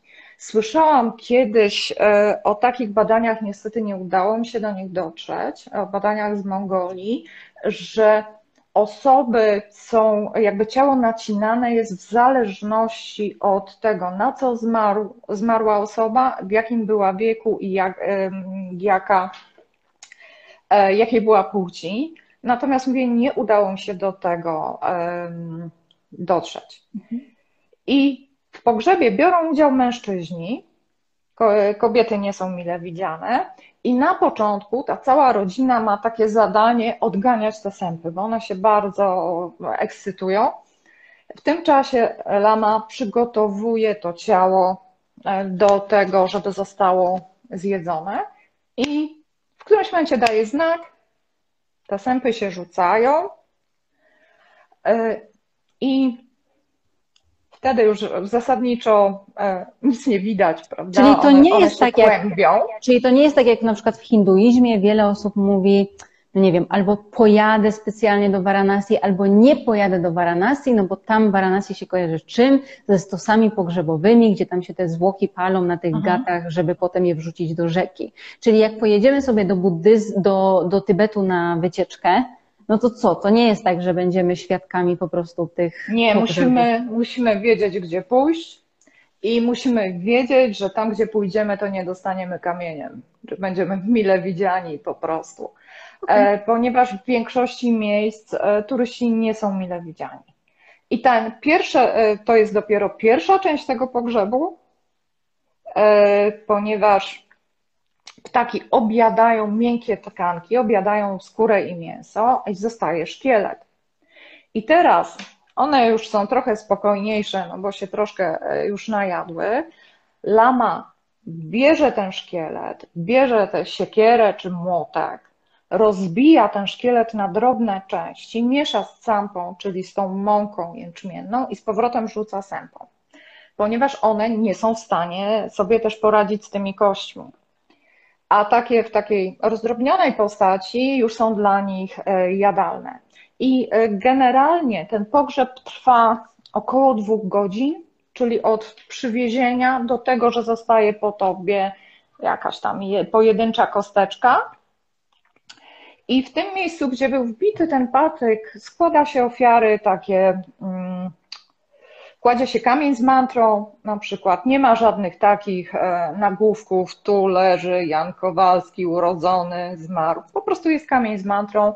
E, Kładzie się też takie mm, sznury długie z wełny.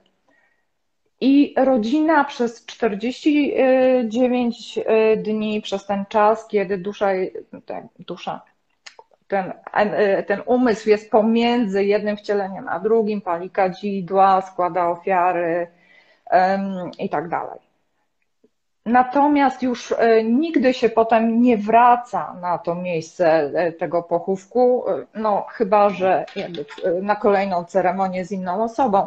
Natomiast nie ma czegoś takiego, że cmentarz, że się chodzi, że kwiatki. No tak, jakby to jest, to jest też myślę, że bardzo hinduskie, dlatego że jakby uważa się, że z punktu widzenia hinduizmu po to się pozbywamy tego ciała i pozbywamy się jakby, no nie ma jakiegoś cmentarza, dlatego żeby nie robić przywiązania do tego ciała, dlatego żeby ta osoba, która zmarła, zrozumiała, że umarła, dlatego że jak Tak, ona żeby by łatwiej widzi- sobie mogła pójść. Dokładnie, dlatego że jak ona będzie cały czas czuła, że to ciało gdzieś tam jest, to ono nie będzie sobie w stanie pójść e, na ten wieczny odpoczynek albo się reinkarnować, tylko będzie przywiązane. Mhm. Dlatego z punktu widzenia właśnie tych religii dwóch, e, to co my robimy, czyli te nagrobki, ta żałoba, to, że tam się przychodzi co rok i te Mhm. kwiaty i to wszystko jest nie jest dobre, bo powoduje, że no właśnie, że ta, ta dusza jest taka trochę cały czas umęczona.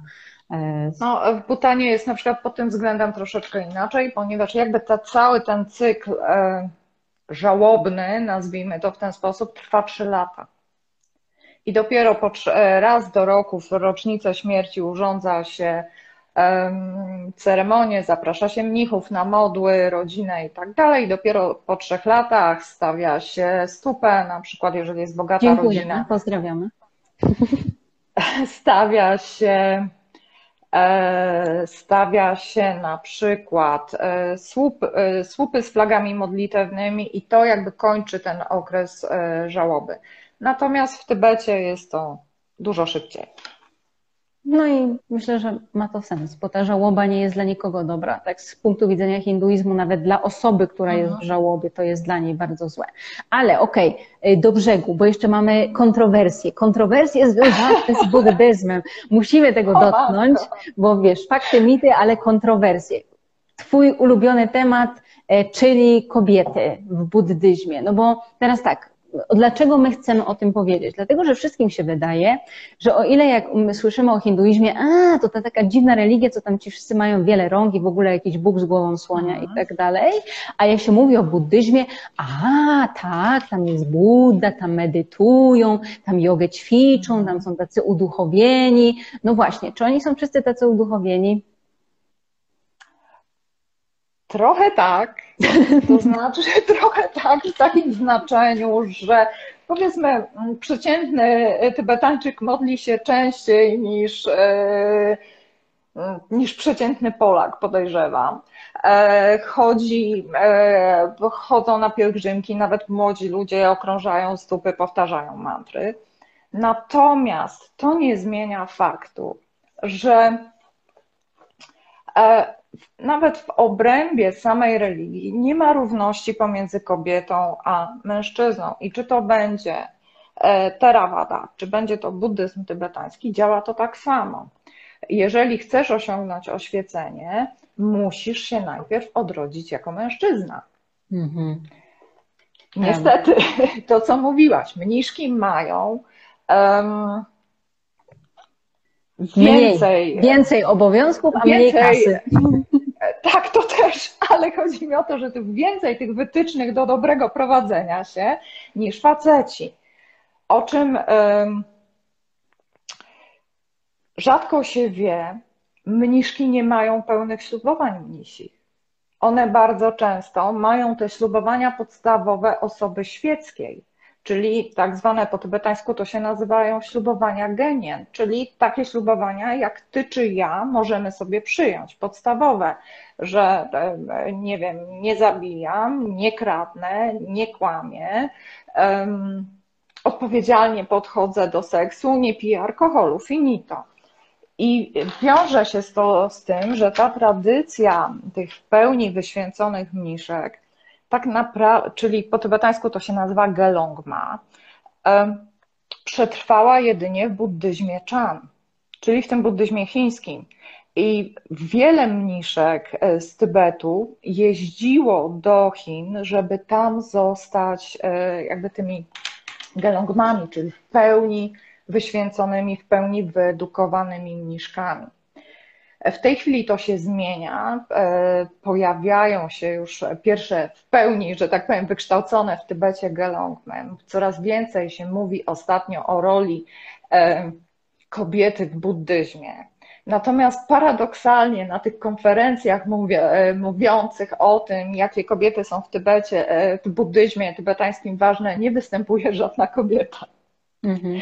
No ale to trochę Także... tak jakby porównać księży i zakonnice.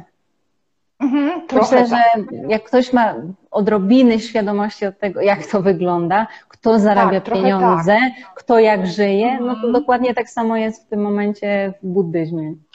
Natomiast życie kobiety e, świeckiej w Tybecie, pomijam e, tereny miejskie, bardziej chodzi mi o to e, w rodzinach nomadycznych, gdzieś na wsiach jest tak ciężkie, że kobiety się bardzo garną do klasztoru, bo życie klasztorne jest po prostu łatwiejsze, bezpieczniejsze e, pod względem takiego narażenia życia, mhm. ponieważ e, mm, słyszałam opowieść pewnej mniszki, która poszła do klasztoru, ponieważ obserwowała, jak jedna z kobiet rodząc na polu, e, miała jakiś trudny poród, nie mogła urodzić i podcięła sobie gardło, żeby dłużej nie cierpieć.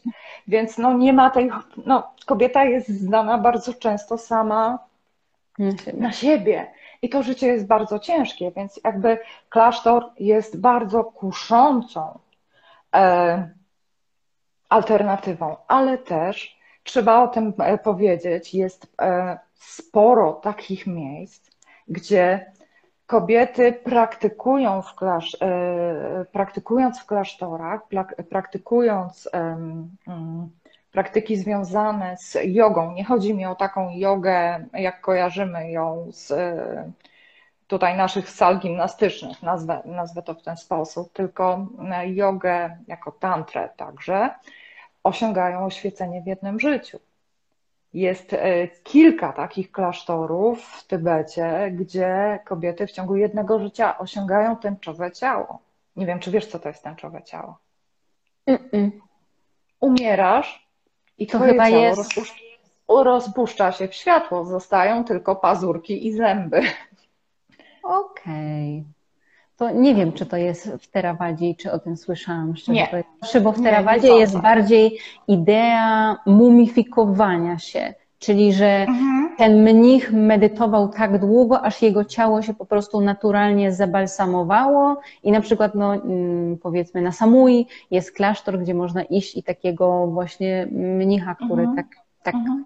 Odszedł, e, tam go znaleźć. Zresztą przecież nawet w Tybecie też się zdarzają takie e, Tak. sytuacje, jak, jak gdzieś tam słyszałam właśnie, m, e, zwłaszcza w poszukiwaniu tych reinkarnacji, gdzie właśnie ten Mhm. lama, no nie wiem, medytował w tej jaskini i jego głowa gdzieś tam się zwracała na północ i potem oni ją odwracali O. do środka, a ona się dalej zwracała na północ i oni wiedzieli, że trzeba iść w kierunku północnym, żeby szukać jego reinkarnacji. Tak, to znaczy w ogóle z tymi poszukiwaniami reinkarnacji to w różnych szkołach jest różnie, bo w jednych zostawiają listy, w innych się szuka przepowiedni, więc e, generalnie tutaj jest, e, to jest dłuższa, dłuższa historia, ale wracając do tego, e, to nie tylko, że to ciało się mumifikuje, ale ono się zmniejsza. I na przykład, jeżeli jesteśmy w Potali i tam są grobowce, przepiękne złote grobowce Dalajlamów, to w, e, w nich są właśnie mumie, takie zmniejszone, zmniejszone mumie. To jest tak zwane małe tęczowe ciało, ale jest też właśnie to pełne tęczowe ciało, gdzie zostają tylko paznokcie, włosy i zęby, a całe ciało e, jakby powraca do tych pięciu elementów, z których jesteśmy zbudowani. Mhm. No ale przecież nie wiem, jak jest w tybetańskim, ale teraz, teraz ci nie powiem nawet jak, bo nazwa mi wypadła z głowy, próbowałam szybko znaleźć, ale nie mogę. Jest przecież wersja Buddy, która jest kobietą. Jakby, A masz na myśli Kuanin? N- nie, to e, Bud- to już jakby swoją, swoją drogą, Aha. że jest Kuan Yin i Tien Wiesz- Ho i tak dalej, ale właśnie jest ta, której ci teraz nie powiem, jak się nazywa, ale to nie jest właśnie jedna z tych realnych ludzkich, które żyły, tylko jedna z tych właśnie takich um, historii. E, Wiesz co, jest, e, jest e, kilka mm, takich opowieści, na przykład o Zielonej Tarze. To jest jedna z takich e, głównych form, najbardziej popularnych w Tybecie, głównie wśród kobiet. E, Do, których, do której na przykład, jeżeli mamy problem z zajściem w ciążę, to modlimy się i ona. No to Yin i Tien Ho to będą, myślę, że tutaj odpowiedniki Będzie tego. podobnie, bo e, Kuan Yin to będzie bardziej biała tała. E, Natomiast no w Tybecie to jest dużo bardziej skomplikowane, ponieważ jakby każda forma wiąże się też jak- jakby z pięcioma elementami, z kierunkami świata, z, e, e, z emocjami i tak dalej, z jakimś rodzajem mądrości. Jest to duża komplikacja. E, Jest na przykład, więc wracając do tejże Zielonej Tary, jest opowieść taka, że ona była księżniczką, która była bardzo zaangażowana w darmę, bardzo mocno praktykowała i przychodzili do niej mężczyźni mnisi i mówili, wiesz, jakbyś się odrodziła jako facet, to od razu byś osiągnęła oświecenie. I ona wtedy pomyślała sobie, "Mm-mm, ślubuję, że będę praktykowała w kobiecym ciele dotąd, aż osiągnę oświecenie. I oczywiście tych oświeconych nauczycielek w stylu partnerka Guru Rinpoche Jeshe Tsogyal, Maciej Lavrin jest kilka. Jakby to e, natomiast jakby w samej doktrynie właściwie to też wynika, chociaż e, z tego co wiem, to zostało później dopisane. E, Wynika też jakby z e, tego kanonu palijskiego, no, że kobieta nie jest najlepszym, nazwijmy to, naczyniem do przyjmowania darmy. I tu zniknę, zaraz zobaczę, czy zniknę na moment i wyciągnę książkę na ten temat, którą bardzo chciałabym pokazać, a i Okej. teraz mi to przyszło do głowy. Okej. Także ta, ta, ta. Bo myślę, że też warto powiedzieć, bo myślę, że wielu osobom się wydaje, e, no bo tak, klasztory przede wszystkim buddyjskie, one na samym początku, kiedy je Buddha Siddhartha Gautama założył, były koedukacyjne. I dopiero potem sobie uświadomiono, że nie jest to dobre rozwiązanie dla zachowania duchowości i czystości, mhm. więc je rozdzielono. E, no i właśnie, i kiedy je rozdzielono, czy problem zniknął? No problem nie zniknął, bo człowiek jest człowiekiem i ma swoje potrzeby i to jest też temat, o którym się często nie mówi, ale mhm. tych nadużyć, takich jak się u nas teraz porusza w kościele katolickim, właśnie ksiądz, pedofil, ksiądz wykorzystuje jakichś tam podwładnych swoich, to samo jest w buddyzmie. Ja nawet znaczy, zawsze. Znaczy, o pedofilii nie słyszałam, natomiast mhm. o e, jakby mm, stosowaniu przemocy seksualnej w klasztorach, mhm. tak. Natomiast ja zawsze mówię właśnie, jak, jak gdzieś jesteśmy i widać na przykład idzie mnich. Często się zdarza, że w Kambodży podczas zwiedzania Angkor Wat przychodzi jakiś mnich, który przyjechał z innego kraju i on idzie ze swoim, jak ja to nazywam zawsze, przydupasem, e, czyli jest zawsze ten koleżka, który tam biegnie albo z tą parasolką nad nim, albo trzyma jego torbę, albo coś tam, mhm. no to jakby ta forma taka poczucia tego poddaństwa czasami, no, no mówię, aż, aż kole w oczy, jak daleko, no nie wiem, jakaś jest relacja między nimi, ale ja tam nie oceniam, jakby mm, nie moja sprawa. Natomiast, żeby nie było, że nie ma tego problemu, ten mhm. problem tak samo jest, bo to jest wszędzie. Zresztą takie nadużycia, to też jest tak, myślę, że to też warto powiedzieć, bo o tym rozmawiałyśmy, y, że Dalaj Lama nie jest e, głową kościoła mhm. buddyjskiego. Tak. Nie ma czegoś takiego. Nie ma takiego. Jest jakby papieżem. Dokładnie, ale no papież, no to znowu, papież jest głową kościoła zachodniego, tak? Kościoła bardziej już idziemy w kościół katolicki. Kościół ortodoksyjny nie ma jednej głowy na dobrą sprawę. Mhm. Każda, e, każdy ten kościół w danym kraju ma swoją własną e, głowę, prawda? Więc tu bardziej w tym kierunku. Co nie zmienia faktu, że na przykład w Terawadzie jest ten, tak jak mówiłaś o buddyzmie tybetańskim, jest ta jakaś główna taka, ten kor tych najważniejszych ludzi, którzy gdzieś tym wszystkim zarządzają i trzymają to w jakichś mhm. ryzach. No i właśnie, na przykład taki był w Tajlandii znany mnich, który e, trochę jakby zbierał pieniądze na rozbudowę świątyni, a trochę jakby je wykorzystywał sobie po swojemu. I trochę jakby y, zebrało się za niego i zarówno prawo tajskie, czyli no, po prostu rząd zapukał do jego drzwi w kwestiach korupcji i zapukali do niego drzwi, do drzwi ci nie wiem jak ich nazwać, ten, ten rząd e, buddyjski. No więc co się stało? Stało się to samo, co się dzieje w kościele e, katolickim, chrześcijańskim. E, wyjechał na delegację. Czyli po prostu jak już wyjechał za, za wielką wodę, wyleciał do Stanów i w tych Stanach, jak robiono wywiad, to on tam dalej sobie żyje, jest bardzo szanowanym, rozwija sobie swoje biznesy i co? No i nic i nikt się nie jest w stanie do tego przyczepić, więc. Ale wróćmy do Twojej książki. Mhm. Książkę już mam. E, książka nazywa się Jaskinia wśród śniegów.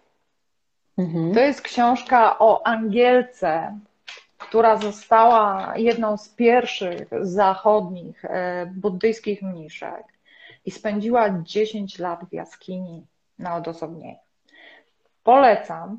Tu jest taki cudowny dialog, gdzie ona, bo ona też złożyła ślubowanie, że tylko w kobiecym ciele. Jest taki cudowny dialog, jak mm, ona, ponieważ ma taki zachodni umysł, jest po prostu bezczelna, nie boi się zadawać pytań, których Betanka by nie zadała. Ona wprost pyta, czy co jest takiego w penisie, że powoduje, że można e, osiągnąć oświecenie. I okazuje się, że ten mnich nie za bardzo potrafi odpowiedzieć, dlaczego ci mężczyźni jakby są bardziej predestynowani do tego, właśnie nie tyle mnich, ile wielki nauczyciel. I tak naprawdę to dzięki, dzięki bohaterce tej książki e, pojawiają, pojawiły się te w pełni wyświęcone mniszki, te gelongmy, ponieważ ona pokazała drogę, że można do tego czanu, można w Hongkongu i naprawdę jest to, mm, jest to książka, jest bardzo pięknie napisana, jest też dość zabawna, która pokazuje to, jak wygląda rola kobiety w buddyzmie tybetańskim i także bardzo dużo pisze o przyczynach tego stanu. O, przepraszam, ale wyłączyli mi prąd. O. E, co, co, się, co się w Indiach zupełnie zdarza. Na szczęście mam backup do internetu, e, więc e, tak, więc się nas nie zerwało. Ale słuchaj, wiesz, wybiło półtorej godziny i indyjski tak. rząd powiedział, wystarczy tego gadania o buddyzmie, ale zanim to skończymy, to ja bym chciała jeszcze tylko, żebyś powiedziała, e, ja tutaj będę tak, o, jest, z powrotem, ja bym tego chciała, żebyś powiedziała, czy misy tybetańskie są tybetańskie?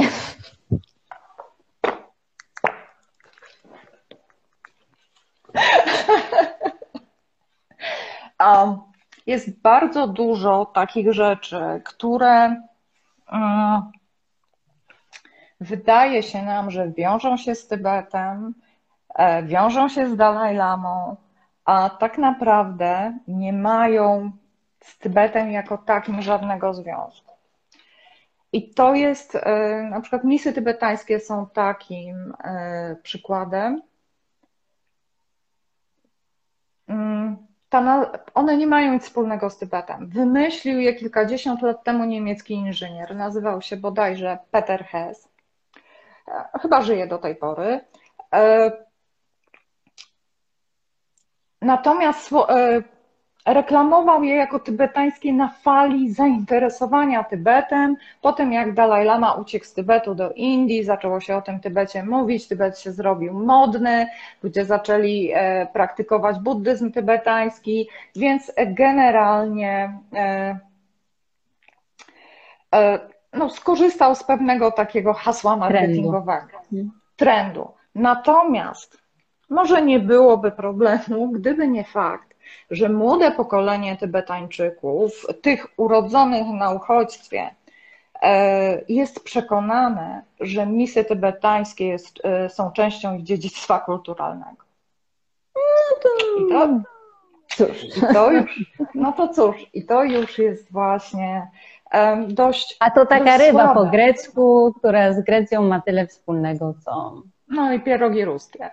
Dokładnie.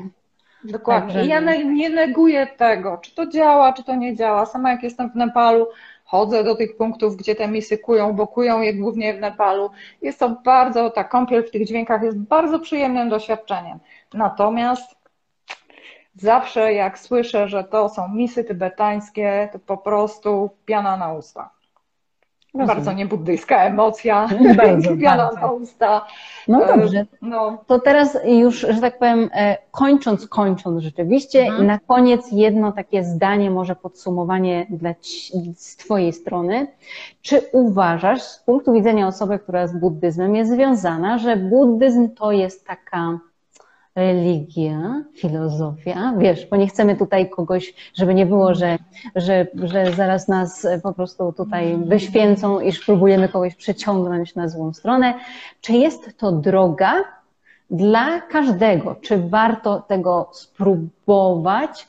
Czy to jest tak, że no, jak się za to zabierasz, to zabierz się porządnie, a nie, że będziesz się po prostu bawić w trendy, że teraz jest trendy bycie tybetańskim?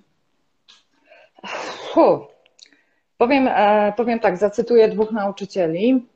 Pierwszy to będzie Dalai Lama, że, który powiedział kiedyś, że jeżeli decydujesz się na przejście na buddyzm tybetański, a nie urodziłeś się w kraju, w którym ten buddyzm tybetański jest e, tradycją, to zastanów się nad tym e, trzy razy, e, bo to nie jest dobre rozwiązanie, bo po prostu w takich sytuacjach społecznych, jak na przykład Boże Narodzenie, możesz sobie nie poradzić po prostu.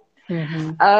Druga rzecz, e, Dzongsa Khyentse Rinpoche, jeżeli myślisz, że przyjmując schronienie, czyli zostając buddystą, będzie miło, przyjemnie e, i będzie już wielkie szczęście, to idź, poprzytulaj się do drzewa, e, ponieważ e, przyjęcie schronienia zrujnuje ci całe życie.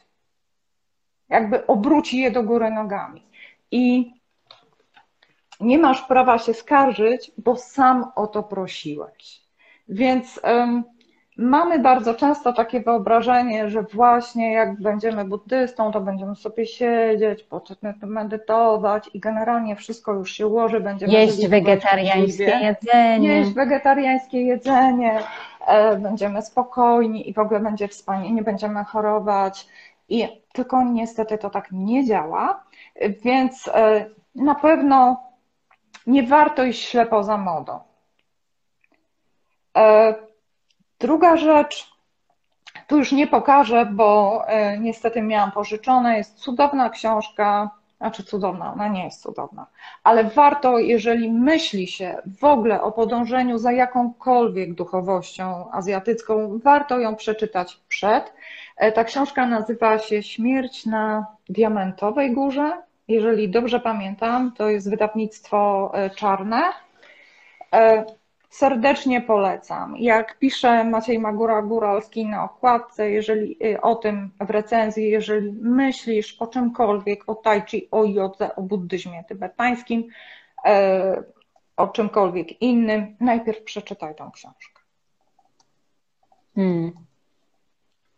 No, Okej, okay. czyli macie już jakby pełen zestaw tego, co robić, jak robić. Myślę, że takie najważniejsze kwestie udało nam się poruszyć, chociaż jak tak o tym myślę, to Boże, jeszcze tyle rzeczy nie dotknęłyśmy, jeszcze tyle można wygadać, a już przebyłyśmy półtorej godziny. Także słuchajcie, jeżeli macie jakieś pytania, e, czy to osoby z YouTube'a, z Facebooka, z Instagrama, czy skądkolwiek, czy nawet jak będziecie słuchać tego jako podcastu, dajcie znać. Wejdźcie na mój profil Aleksandra Zalewska Indie, wejdźcie na profil Wyprawy do Azji, i zadawajcie pytania, bo dobrze jest wiedzieć. Lepiej zapytać, nie ma głupich pytań podobno, niż e, błądzić po omacku. Także bardzo dziękujemy. Ja Ci bardzo dziękuję przede wszystkim za przyjęcie zaproszenia i że po prostu wiesz, swoją energię tutaj włożyłaś e, do dzisiejszego live'a. Dziękuję wszystkim, którzy z nami byli i cóż, do zobaczenia. Do zobaczenia.